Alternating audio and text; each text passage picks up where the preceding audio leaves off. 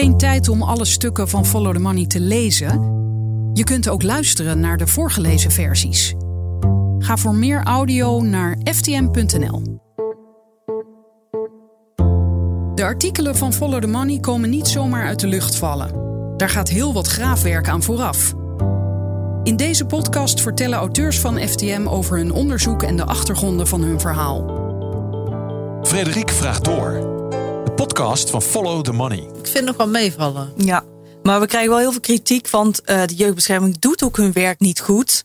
Dus het ligt allemaal aan de kwaliteit van de jeugdbescherming. Weet je wel? En denk, ja, dat is te makkelijk. Want als je maar twee uur in de week hebt per gezin. Een koppig monster. En dat is het probleem. Dat is gewoon te Dat is niet te zeggen, dit is fout. Nee. Het is alles. Het hele Je kan het niet zo plat slaan als dat zij doen. Dus, uh, Jullie horen Margot Smolenaars en Judith Spanjers van Follow the Money. Welkom in de podcast. Hallo.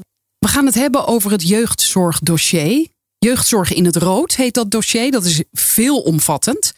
Uh, ik hoor jou al zeggen, het is een veelkoppig monster, Judith. In dat dossier hebben jullie onder andere een soort handleiding voor mensen die weinig van dit onderwerp weten. Die kunnen in vijf minuten even door een kort, uh, ja, hoe noem je dat eigenlijk, een instructie? Ja, de korte, uh, ja, hoe zou je het zeggen?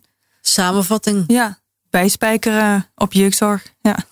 En daar staat onder andere deze zin in, want jullie zeggen dan wat zijn nou de grootste problemen in dit dossier? Dan noemen jullie er drie. En dan staat er onder andere: we doen dit onderzoek niet alleen maar omdat we graag door jaarverslagen bladeren. Ergens in deze bestuurlijke en politieke kluwen zitten kinderen verstopt. Kinderen die lang niet altijd de zorg krijgen die ze nodig hebben, of die onterecht gescheiden worden van hun ouders. Die op wachtlijsten komen terwijl er nu iets moet gebeuren. Ja, en dat vond ik een mooie zin, omdat het dat weer even terugbrengt naar het concrete. Want ik realiseerde me dat het woord jeugdzorg, als ik dat hoor, dan gaat het bijna al mijn ene oor in, andere oor uit. Dat moet natuurlijk eigenlijk helemaal niet. En ik, oh, jeugdzorg, er is weer iets mee. Maar waar draait het ook weer om? Om Ja. kinderen in nood. Ja, ik kan met het onderwerp wat we nu gaan bespreken, de jeugdbescherming, kan ik dat wel uh, mooi illustreren. Want ik had net een interview gehad met een van de jeugdbeschermers. En dat was een interview van drie uur. Um, en daarna stuurde ze me een appje van een brief die ze net toen, op dat moment, had gekregen. Ze had namelijk hulp aangevraagd voor een suïcidale jongen, een tiener. En ze kreeg antwoord van de spoedpolie, de spoedpolie, op maandag, dat de rest van de week geen plekken meer beschikbaar waren. Wij vragen uw geduld, stond eronder. En excuses voor het ongemak. ja, en ja dat, is, dat vat het wel samen. Ze probeert van alles. Ze wil die jongen helpen. Het lukt niet, want ze stoten overal een kop. Ja. En het is gewoon ver weg is dan voor veel mensen. Om, ja, als het met je goed gaat, dan, dan heb je daar niet zoveel mee. En dan zul je er wat minder in verdiepen. Maar als je er eenmaal mee te maken krijgt, dan kom je echt in een web terecht waar je bijna niet meer uitkomt. En ja, het is eigenlijk, um, willen wij in kaart brengen wat er dus speelt. En het is veel meer dan alleen geldtekort. Het is systemen, het is uh, hoe we het allemaal hebben opgetuigd, hoe we met elkaar omgaan. Het is alles bij elkaar. En hoe zit dat voor jullie? Wanneer uh, kwamen jullie voor het eerst in aanraking met dit onderwerp als journalist, Margot? Nou, ik al een tijdje terug, denk een jaar of drie, vier geleden. Uh, toen werkte ik nog voor Vers Beton en toen had ik een uh, tip gekregen over stagiaires die werden ingezet in ja, multiprobleemgezinnen. En heel even, Vers Beton is een onderzoekscollectief in Rotterdam. Ja, mm -hmm, dat klopt. Ja, daar, uh, en daar ben ik toen daar ben ik ingedoken. Dus kijken hoe dat zit. Hoe kan dat eigenlijk? Dat je als 21-jarige bij een gezin over de vloer komt waar moeder even joggen is en dan haar kind van zeven jaar maar gewoon de deur laat open doen en alleen thuis achterlaat. Bij een stagiair? Ja. ja. En hoe, wat kwam je toen op het spoor? Ja, dat is een onderdeel van een werkwijze. Dat, uh, daar zitten wel hulpverleners achter, maar die houden op afstand in de gaten hoe het met deze gezinnen gaat. En de studenten worden ingezet om hele simpele dingen te doen, zoals naar de supermarkt gaan en voor een budget eten kopen bijvoorbeeld. Maar ja, in dit soort gezinnen zijn, spelen heel veel problemen. En dan kan je dus inderdaad ineens te maken krijgen met een kind dat er iets uitvloept waarvan je denkt, wat moet ik hier nu mee? Of in een situatie terechtkomen waarvan je eigenlijk al kan weten van tevoren, dit uh, gaat mij ver mijn pet uh, boven. Ja. En bij Follow the Money ben je eerst binnengekomen als uh, eindredacteur. hè? Mhm, En ja. ik heb nog even een podcast nageluisterd van vorig jaar september. Ja. Ging ook eh, hierover. Tenminste, toen was dit onderzoek net begonnen eigenlijk. En toen zei jij van ja, ik ben nu zelf erin gedoken. Omdat Follow the Money ook echt een eh, onderwerp zocht dat we in het hele land konden aanpakken. Dus niet Ja. ja. ja, heel erg regionaal. Hè? Ja, want ik zag al gauw dat het, dus de problemen die in Rotterdam spelen, spelen ook in Amsterdam, maar ook in eh, Eindhoven, Maastricht. Het is overal hetzelfde verhaal, zo'n beetje. Ehm, dus ik wilde dat een keertje goed eh, gaan onderzoeken. En dan niet in mijn eentje, maar gewoon met een flink team. En ook eh, met regionale journalisten, tenminste die voor regionale kranten werken of omroepen. En ja, goed, dat zijn we nu dus aan het doen. Ja, en Judith, hoe lang ben jij al met dit onderwerp bezig? Nou ja, ik ben zelf al zes jaar bezig met onderzoek naar zorgwinsten, zorgfraude, eh zorgverwaarlozing. En ehm daarbij. Dus in de algemene zorg. Nou, dan gaat het vooral jeugdzorg, ehm, maar ook volwassenzorg, WMO, WLZ. Dat gebied eigenlijk, waarbij het gaat om begeleiden, ambulante begeleiding, eh, hulp aan huis of beschermd wonen. En in dat onderzoek kwam ik ook al heel veel dingen tegen waar, waar ik vraagtekens bij had. Eh, ik was toen nog niet gespecialiseerd in jeugdzorg. Maar ehm, ik heb ook een keer verdiept in een dossier waarbij er ook sprake was van een vechtscheiding. Ik heb echt eh, enorme mappen doorgespit en letter voor letter gelezen. Ja, je valt gewoon van de ene verbazing in de andere hoe het kan dat een moeder haar kind niet meer ziet omdat de vader het weghoudt. In dit geval andersom dus. En ja, ik vind het nog steeds onbegrijpelijk. En er zijn gewoon echt honderden, misschien wel duizenden van dit soort gevallen. En ik kan het gewoon niet uitleggen. En ik heb het met een, met een specialist ook naar gekeken. En ja, het, het is gewoon niet te vatten hoe dat zo lang voort kan duren. Waardoor uiteindelijk kinderen van hun ouders gewoon verwijderd worden, letterlijk. En, en eh, raken jullie wel eens te veel verstrikt in het onderwerp? Kan je het nog wel loslaten? Ja, nou, wij, wij zoeken follow the money. Dus ik ben heel erg op geld aan het zoeken. Dus dat maakt de afstand natuurlijk wel wat groter. Maar je hoort natuurlijk ook schrijnende verhalen. En eh, ja, het is de combinatie van. En het is, voor mij is vooral de trigger van... Ja, dat we allemaal klagen over de enorme tekorten. Terwijl ik al die jaarrekeningen zie en denk, waar dan? Want ik zie alleen maar veel te veel geld wat er overblijft. En dat contrast doen wij in het onderzoek, zeg maar, eh, ja, tegelijk met het systeem en, en, en de maatregelen die we allemaal nemen en hoe we daar tegenaan kijken. En dan nu over jullie werkwijze. Want het is wel grappig, Margot, jij appte mij een paar weken geleden van kunnen we binnenkort een podcast opnemen? Want deze maand publiceren we vier artikelen in ons dossier. Maar het zijn er inmiddels al vijf. Ja, dat klopt. Ja. Ja, we, we hebben besloten om ons op de jeugdbescherming te richten. Dat is ehm, ja, de intensive care van de jeugdzorg. Als je kind door de rechter onder eh, toezicht of onder voogdij wordt gesteld, dan komt de jeugdbescherming om de hoek kijken. Want die moet zorgen dat jouw kind dan veilig blijft. Is dit En- dan voor de ernstigste gevallen? Ja, vaak wel. Vaak gaat het eh, verwaarlozing, mishandeling, misbruik. Maar ook inderdaad complexe scheidingen waar een kind eh, klem komt te zitten. Het, het gaat erom als het kind in gevaar is, de veiligheid in gevaar is. Of kan zich niet ontwikkelen door de thuissituatie. Dan moet de jeugdbescherming zorgen dat dat wel kan gebeuren. Dus de jeugdbescherming valt onder de paraplu van jeugdzorg. Ja, ja, ja. Maar het is ook een. die, op die jeugdbescherming heeft een gemeente eh, geen invloed. Althans, niet in de zin van. eh, zij moeten betalen wat eh, de jeugdbescherming nodig vindt. Moeten Dus- ze dat wel of niet betalen? Ja, dat moeten ze betalen. Ja. Maar verder mogen ze niks erover zeggen. Nee, want het is de jeugdbescherming die beslist welke hulp passend is. Ehm, maar be- is dat dan dat, sorry, dat, dat jeugdbescherming is dus nog steeds landelijk? Ja, dat is landelijk, maar wel regionaal georganiseerd. Er zijn maar twee eh, van dat soort instellingen die landelijk werken. En verder heeft eigenlijk iedere provincie grofweg zijn eigen jeugdbescherming. Ja, Want eh, in dit dossier is ook al vaker naar voren gekomen de decentralisatie van de algemene jeugdzorg sinds 2015. Maar hoe zit die bescherming? Je zegt het al een beetje, van ze zijn landelijk, maar ze zitten op meerdere plekken. Is die dan niet meegedecentraliseerd? Mooi, Ja, mooi woord. Ja, zeker. Nou ja, in die zin dat eh, de decentralisatie betekent dat de financiering bij de gemeente vandaan moet komen. En dat betekent dat jeugdbeschermingsorganisaties die in één provincie zitten, in Brabant bijvoorbeeld, met 60 gemeenten in overleg over wat de tarieven zullen gaan worden. En het is vooral enorm gesteggel over tarieven aan het worden in plaats van hoe gaat het eigenlijk met de kinderen. En ja, dat is wat nu heel erg speelt. En ehm, ja, dus het is in die zin gedecentraliseerd. En aan de andere kant is er ook nog marktwerking bijgekomen. Want de markt werd opengezet voor het eerst. Uh, er is uiteindelijk maar één speler ingestapt, zeg maar. En die is nu na twee jaar alweer weg. Op het gebied van de jeugdbescherming? Ja, jeugdbescherming, ja. En wie is die speler die nu alweer weg is? Dat is Brides. Brides uit uh, Zoetermeer. Dat is een coöperatie van ZZP'ers. En die wil het juist anders doen. Want er zijn al heel lang klachten over de jeugdbescherming. Uh, en um, nou ja, hebben heel veel last van heel veel administratieve lasten. En zij wilden meer zorg, minder administratie. En uh, dachten van nou, wij gaan het als kleine organisatie, innovatief, gaan wij het anders doen. En nou, dat hebben ze opgezet. Maar dat is dus helaas uh, ja, na twee jaar ten einde nu. En wat was daar de belangrijkste oorzaak? Ja, de belangrijkste oorzaak is, ja, zij wilden dus de jeugdbescherming vernieuwen. Ze zijn met uh, jeugdbeschermers aan de slag gegaan. Die hebben gewoon zelf hun eigen organisatie opgezet. Nou ja, uh, GI's, zo noemen ze dat, gecertificeerde instellingen, zijn eigenlijk vrij logge organisaties. Heel veel overhead vaak. En uh, nou ja, dus, dus alles iets nou, dat willen wij dus niet. En, um, maar ja, uiteindelijk, ja, je, moet, je moet wel een organisatie opzetten, om, want je hebt met rechters te maken, met procedures. Je moet wel een basis hebben waarop je organisatie kan staan. Want het is niet zomaar een, een bedrijfje, zeg maar. En uh, nou ja, daar hebben ze heel hard voor gewerkt. Maar uiteindelijk, uh, er waren geen financiën, geen investeerders, er was geen geld.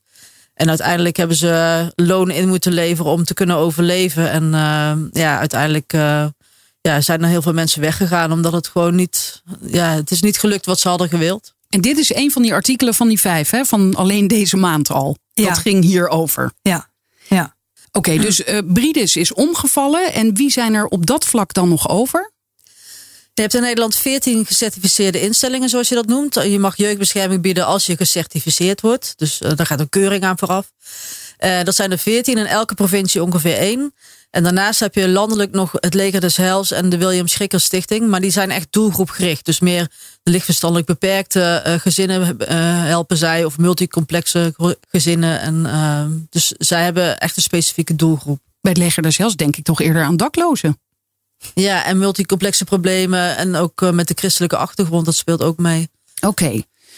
Ja, tot zover het eerste artikel. En het tweede gaat over dat, dat, dat vond ik misschien wel het meest schokkende om te lezen, dat er een enorm verloop is. Dat er meer dan ooit mensen zeggen, uh, zijn die in deze branche werken en die zeggen: ik kan het niet meer aan. Ja, dat klopt.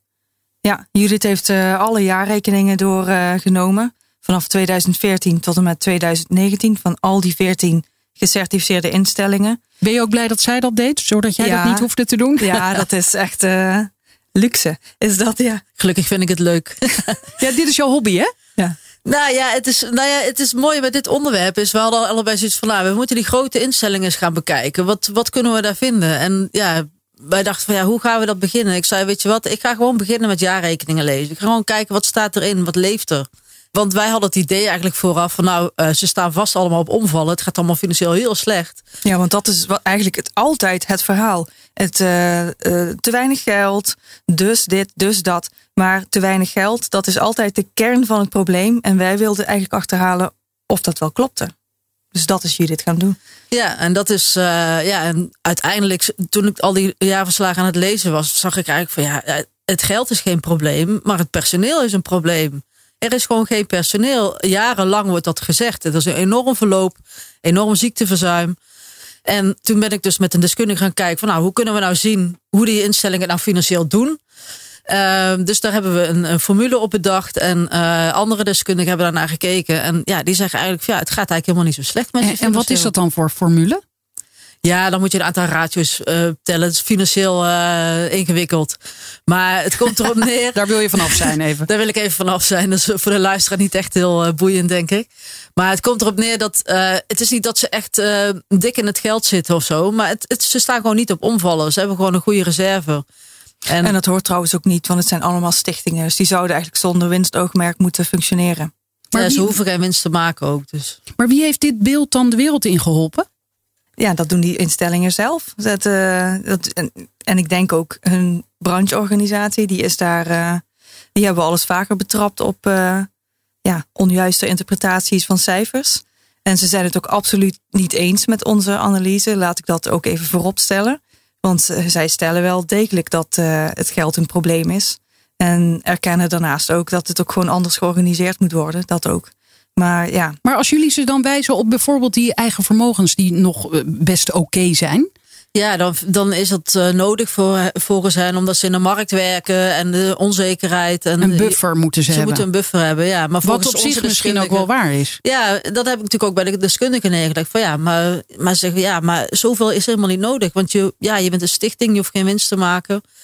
En uh, kijk, wij zeggen niet dat er geen geld nodig is. Hè?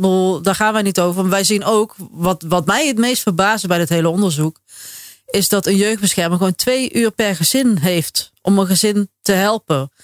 Twee uur per gezin per, per wat? Per week? Per week. En, uh, maar er zit uh, uh, overleg zit daarbij, reistijd zit erbij, administratie, rechtbankbezoeken, alles zit daarbij.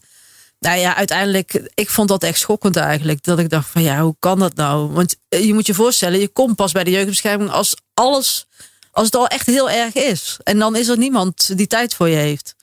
Ja, maar uh, twee uur per week. En dat keer uh, 15 kinderen. Ja. Dus dat is de gemiddelde caseload van, zo heet dat dan, hoeveel kinderen en of hoeveel gezinnen je hebt. Dat is de caseload van een um, jeugdbeschermer. En die is, zeggen eigenlijk iedereen, veel en veel te hoog. Onverantwoord hoog. Vaak. En vandaar dat er dus behoorlijk wat mensen afscheid nemen. Ja. Ja. En gaan die dan ergens anders in de zorg werken? Of zijn ze dan Nee. zo afgeknapt dat ze helemaal de zorg uitgaan? Nou ja, ze komen in ieder geval niet meer in de jeugdzorg terecht. Ze heel, ik geloof, volgens uh, cijfers van CBS komen zo'n 20% blijft wel in de zorg, maar gaat wel op een andere, in een andere sector werken. Maar het merendeel verdwijnt. En dat betekent helemaal dus uit jeugdzorg. En dat betekent ook dat al die kinderen die achter die caseload zitten, weer opnieuw moeten kennismaken met een nieuwe jeugdbeschermer. En maar hopen dat die wel blijft. En maar hopen dat hij wel geregeld krijgt wat nodig is. Maar En deze dat- leegloop is eigenlijk ook gewoon gestart bij die decentralisatie hè, in 2015. Want het was totaal onzeker hoeveel geld ze nog zouden krijgen. Ik heb gehoord dat er teamleiders waren die zeiden van ja, ik weet ook niet hoeveel geld ik volgende maand in januari 2015 heb. Dus ik weet niet of je hier kan werken. Dus dat heeft voor een enorme onzekerheid en dus eh, uitstroom gezorgd. En daarnaast eh, zijn er natuurlijk heel veel eh, bedrijven bijgekomen die jeugdzorg zijn gaan bieden. Wijkteams zijn er gekomen die de toegang verzorgen. En uh, als je dan moet kiezen tussen onzekerheid en een veel te zwaar vak. En je kunt lichtere jeugdzorg gaan bieden voor hetzelfde geld.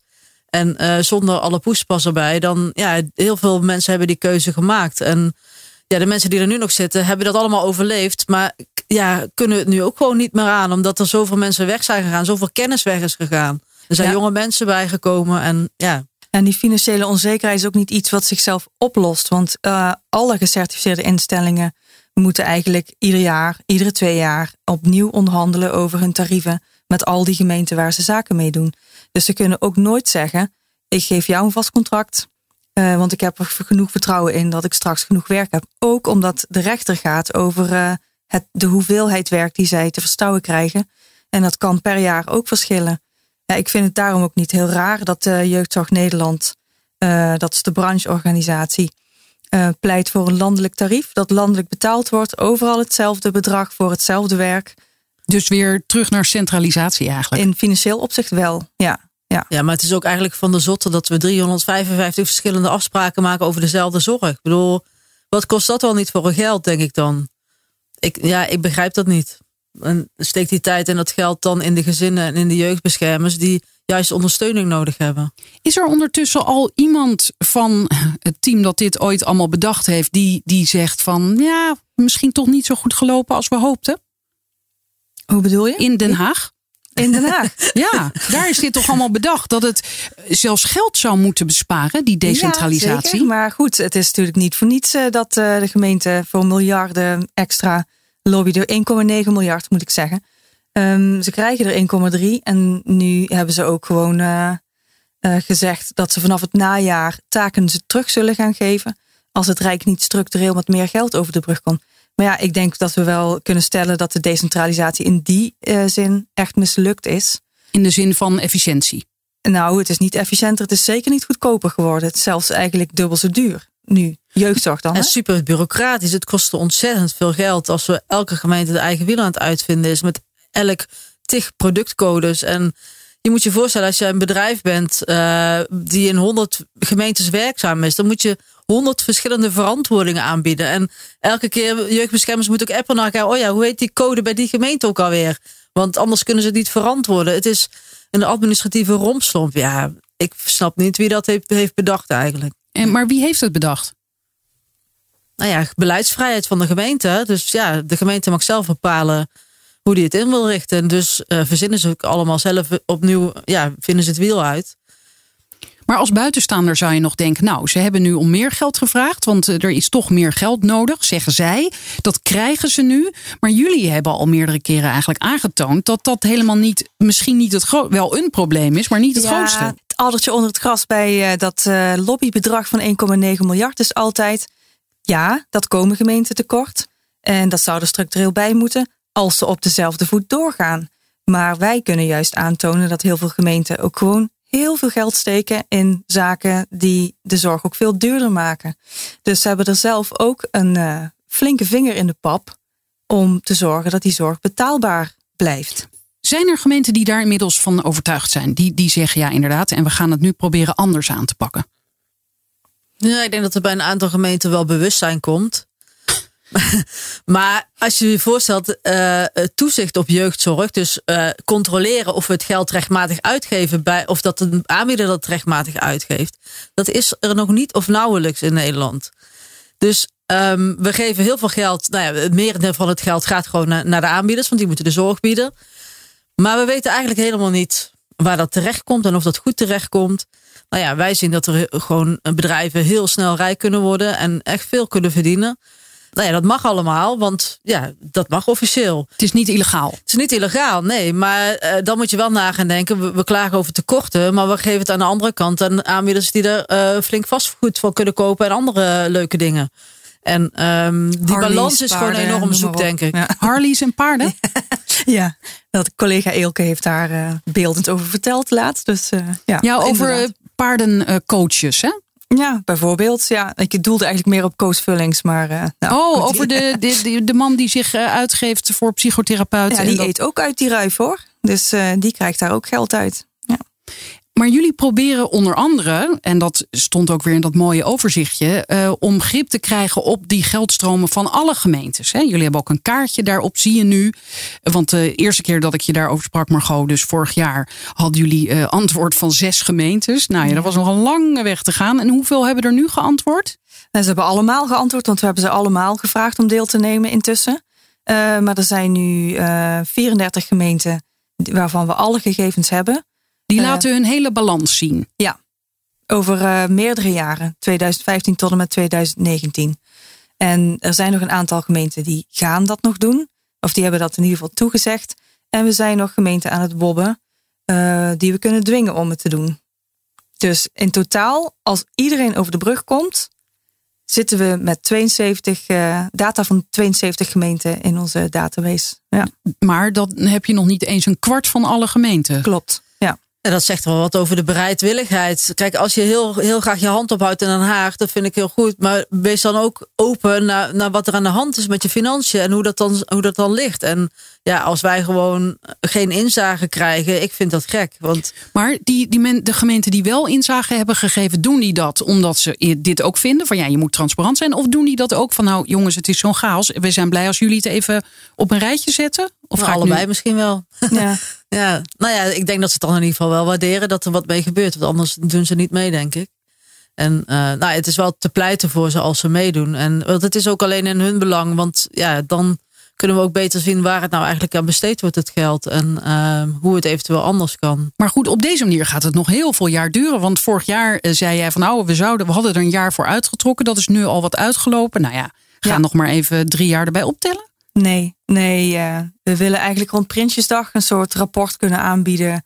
Zo van, uh, kijk eens uh, kabinet, dit is er allemaal niet naar kinderen gegaan. Dus we hebben nu in de eerste, in maart hebben gepubliceerd over hoe gemeenten zeg maar, dat aanbod van aanbieders hebben laten exploderen. En nu schrijven we over de jeugdbescherming. Iets waar de gemeente niet zoveel invloed op heeft. Maar ja, een sector die wel echt stevig onder druk staat. Um, en we gaan dan in najaar willen we gewoon eens gaan kijken van wat is er nou allemaal aan die strijkstok blijven hangen. Wel, hoeveel geld is nou eigenlijk niet naar kinderen gegaan? Oké, hier spreekt de optimist. Dus met Prinsjesdag is er een rapport. Ja, ik help het jullie hopen. Maar ondertussen, want dat zei ik net ook. Jij zei dus, we, we komen met vier artikelen in juni. En dat zijn er Ja. nu al vijf. Want er kwam ook nog weer ander nieuws. Ja, ja, goed. Er zijn, een- het is natuurlijk niet leuk om gelijk te krijgen in dit geval. Maar we hadden ja, met de vinger op die zere plek van eh, de medewerkers die weglopen, hadden we het wel, zaten we wel goed. Want de Jeugdbescherming Brabant heeft eh, vorige week gezegd dat zij vanaf eh, maandag 21 juni drie maanden lang geen medewerkers hebben om nieuwe kinderen op te vangen. En dat is echt heel uitzonderlijk. Dat is nog nooit eerder gebeurd in Nederland. Het kwam wel eens voor dat een landelijke instelling zei: even niet in dit gedeelte van het land. Maar er was er altijd nog, nog een regionale jeugdbescherming die kon zeggen: oh, dan nemen wij die gevallen wel over van jullie. Maar dat is nu in Brabant dus gewoon niet aan de hand. Elke gecertificeerde instelling die daar werkt, heeft gewoon geen capaciteit om nieuwe zaken op te pakken. Stel, er wordt op dit moment een kind mishandeld. En iemand belt veilig thuis. Veilig thuis zegt: oh, Oké, dit is echt te erg. Hier moet iets gebeuren. Veilig Thuis is de eerste organisatie Ja. die hier wordt, voor wordt benaderd. Ja, daar, daar bel je naartoe als je bijvoorbeeld kindermishandeling eh, vermoedt. En ja, dan blijkt er eh, echt iets aan de hand te zijn. Kind moet uit huis geplaatst. Jeugdbescherming moet eraan te pas komen. Dat kan dus niet nu in Brabant. Dat gaat niet. Want er is niemand die eh, in de gaten kan houden vanuit de jeugdbescherming. Of dat wel goed gaat. Dus het is echt een acute noodsituatie eigenlijk. Hoe, hoe, hoe- en nu? Wie, wie heeft daarop gereageerd? Geen idee. Niemand weet het eigenlijk. Dus eh, ja, het, het, eh, ook omdat het nog nooit eerder gebeurd is, is dit voor iedereen nieuw. Want wat moet je inderdaad nu als je. ja, we hebben de kinderrechter ook gesproken. En die zei ook van ja, goed, we kunnen misschien wel jeugdbeschermers uit Limburg dit laten doen. Want het, ja, het ligt ernaast. Hè? Maar ja, als ze dat doen, dan, heb, dan heeft de jeugdbescherming in Limburg weer een probleem. Want die hebben dan ook niet genoeg medewerkers om alles af te kunnen handelen. Maar dit is Dus- ook bijna een boodschap aan mensen van vermoedt u nu kindermishandeling in Brabant? Eh, ja, jammer. We hebben even geen plek. Ja, nou ja, de jeugdbescherming eh, kan het gewoon niet aan nu. Ja. Er zijn zoveel medewerkers weggelopen. Ik sprak vanochtend nog eh, met JBB, zoals die instelling eh, heet. En die zei van ja, het- we vermoeden dat we aan het einde van dit jaar op een verloop van 20% uitkomen. Dat is een vijfde van het personeel dat vertrokken is. Dat is echt heel erg veel. Zeker in de jeugdbescherming, die toch al zo onder druk stond. Die hadden al een verloop van 17, 12, 14 procent de afgelopen jaren. Ja, En dat betekent dus dat elk kind weer een nieuwe jeugdbeschermer krijgt. Ja. En ja, dus die gezinnen die krijgen elke keer weer met nieuwe mensen te maken ook. En Ja. ja. nieuw personeel is gewoon heel moeilijk te vinden. En ja, het speelt niet alleen in Brabant. Uit ons onderzoek blijkt dat het gewoon echt een landelijk probleem is. Maar ik zit nu te denken, we, we zijn een jaar bezig geweest, heel goed, met aandacht eh, vragen voor zorgpersoneel. Die zorgde vooral voor coronapatiënten en bonussen en extraatjes. En eh, ze, ze werken zich over de kop. En ondertussen zijn we dit helemaal vergeten, lijkt het wel. nou ja, nee, want de, je wordt al jaren voor gewaarschuwd. Alleen, Het maakt geen indruk. nee, het maakt geen indruk. Nou ja, jeugdbeschermers zijn misschien niet zo, zo snel mensen die, eh, die de barricades op gaan, denk ik. Nee. Die, die zijn gewoon bezig met hun kinderen, met hun gezin en, en met hun caseload. Die hebben wel wat anders aan hun hoofd. En eh, ik denk, ja, misschien hebben ze zich te weinig laten horen. Ik weet niet wat het is. Maar ja, het is ook een, een kleine tak die, die niet heel zichtbaar is. En ja, het speelt zich ook altijd bij, bij de rechtszaken af achter gesloten deuren. Dus je hebt daar ook niet zoveel zicht op. En eh, het is een vrij gesloten vesting. En ja, we hebben in ieder geval in die zin met ons onderzoek wel veel boven water kunnen krijgen. En nou ja, wel de duidelijke pijnpunten neergelegd, denk ik. Ook dankzij al die regionale journalisten die dan in hun eigen regio het licht daarop laten schijnen. Want het is nu voor het eerst dat, ze, dat we wel horen van de jeugdbeschermers. En dat zij vertellen hoe dat eigenlijk is om in twee uur eh, per week een heel complex eh, geval af te moeten handelen. Ja, Ja. Want, want dat viel me op, Judith. Jij wist dat bijvoorbeeld ook niet eens. Terwijl jij hier ook al langer mee bezig bent. Voor jou, op jou ja. maakte dat ook al eh, een indruk van twee uur maar per week. Ja, want ik heb natuurlijk eh, toen dat eh, dikke dossier gelezen van die mensen. En dan dacht ik van, joh, waarom doet die jeugdbeschermer dit? Waarom doet die jeugdbeschermer dat? En eh, waarom doet hij niet zus of zo? En dat blijft natuurlijk met waarheidsvinding, blijft dat een heikel punt.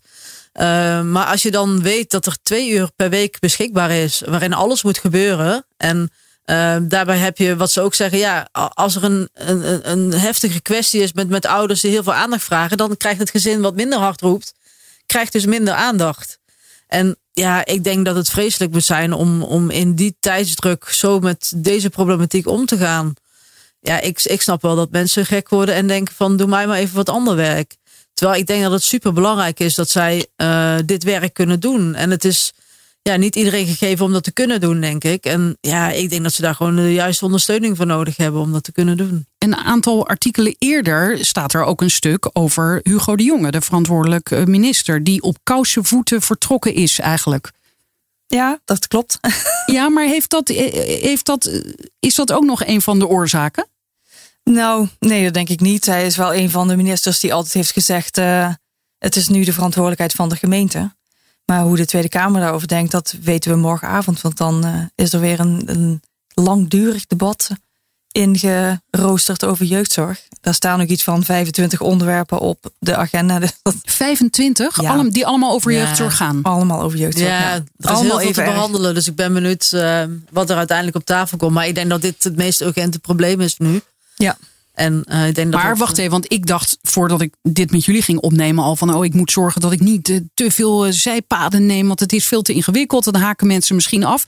Maar in de Tweede Kamer doen ze dat nog veel erger. Dus 25 onderwerpen, dat kan je toch niet in één debat bespreken? Nee, of? dat gaat ook niet. Dus maar waarom heel doen veel ze dat? Niet besproken. Ja, dat, dat is alle, alle brieven die binnen zijn gekomen. Dus die, ja, ik snap die agenda ook nooit. Ik denk van ja, hoe wil je dat gaan doen? En dat gebeurt dan ook helemaal niet. En dan komen er een paar stipjes, worden er dan ja, aangeroerd en de rest krijgt niet eens aandacht eigenlijk. Maar de minister ja. zal daar wel bij zijn. Nee, de jongen is uh, nu uh, coronaminister. Dus uh, hij heeft jeugdzorg overgedragen aan staatssecretaris Paul Blokhuis. Oh ja. En die is aanwezig, ja. Oké, okay, en wat, wat vindt hij ervan? Hij vindt dat de gemeente, de jeugdbescherming heeft hij zich nog niet uitgelaten, voor zover ik weet. Maar hij vindt wel dat de gemeente, ja, er moet geld bij, maar het moet ook in een ander stelsel worden gegoten. Oh, een ander stelsel? Ja, dat, dat is moet, nogal wat. Dan moet grondig worden gekeken naar uh, of dit wel functioneert. En zo ja, hoe het anders moet. Want ja. bij Follow the Money hebben ze gelezen dat het misschien niet helemaal lekker zit. Ja, maar even serieus? Ja, maar het is ook veel te ingewikkeld geworden. Je, het hele jeugdzorgstelsel, dat zit als een soort heel ingewikkeld kaartenhuis in elkaar. En nu valt ja, er een kaartje uit en dan zie je wat er gebeurt. Het dus... is eigenlijk onbegrijpelijk. Hoe, het heeft zich, zeg maar, er is in 2015 Bab alles over de schutting gegooid. En iedereen is hard aan de slag gegaan. En eigenlijk liggen we nu gewoon in het slagveld te kijken van wat is er eigenlijk gebeurd en waar gaan we naartoe en wie ruimt het allemaal op. En ja, er is zoveel wat, wat echt anders moet. Ja. En ja, en hoe houden jullie dan zelf overzicht? Want jullie kwamen hier net heel enthousiast binnen. Want dit is de eerste keer dat jullie elkaar zien in een jaar live. Hè? Ja, ja, terwijl, ja, terwijl jullie elkaar gek. dagelijks spreken, dat wel. Maar hoe houden jullie dan overzicht? Ja, nou goed, we hebben heel vaak gedacht het afgelopen anderhalf jaar. Wat is dit voor gekke wereld waar we in zitten? Wat is dit voor konijnenhol waar we in zijn gedoken? Want ja, je komt aan de andere kant eruit. En er is een wereld waar de, de reg normale regels gewoon niet gelden. Het is echt bizar. Ik heb nog nooit zoveel gekkigheid gezien.